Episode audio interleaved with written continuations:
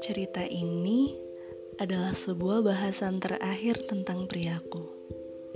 Pria yang pergi tanpa meminta maaf. Jadi, selamat mendengarkan. Masih dengan hari-hari yang hambar.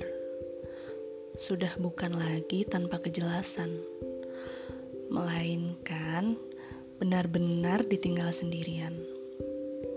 Bahkan notif masuk dalam ponselku selalu membuatku berdebar. Walau ternyata notif masuk dari siaran langsung Instagram. Ternyata sesulit itu ya merelakan sesuatu yang belum sempat dimiliki. Rasanya terlalu sunyi pada waktu siang dan bising pada malam menjelang tidur. Kini aku bahkan membenci merah muda. Aku benci punya rambut panjang. Aku benci disebut cantik. Lalu, film pahlawan super kini bagiku mereka hanyalah pembunuh. Rumit sekali belakangan ini es krim yang paling aku suka sudah tidak manis lagi. Minuman rasa coklat sudah menjadi tanah liat.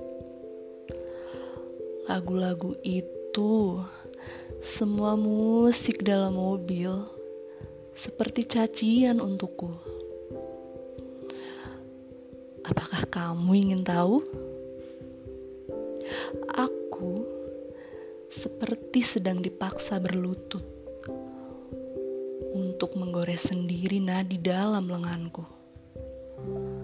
Namun masih saja kau pinta jantungku untuk kubawakan tepat di bawah kakimu. Tidakkah cukup dengan engkau padamkan lentera netraku? Haruskah aku cabut seluruh isi rongga dalam dadaku agar aku mendapatkan permintaan maaf darimu yang dengan ringannya merusak kewarasanku?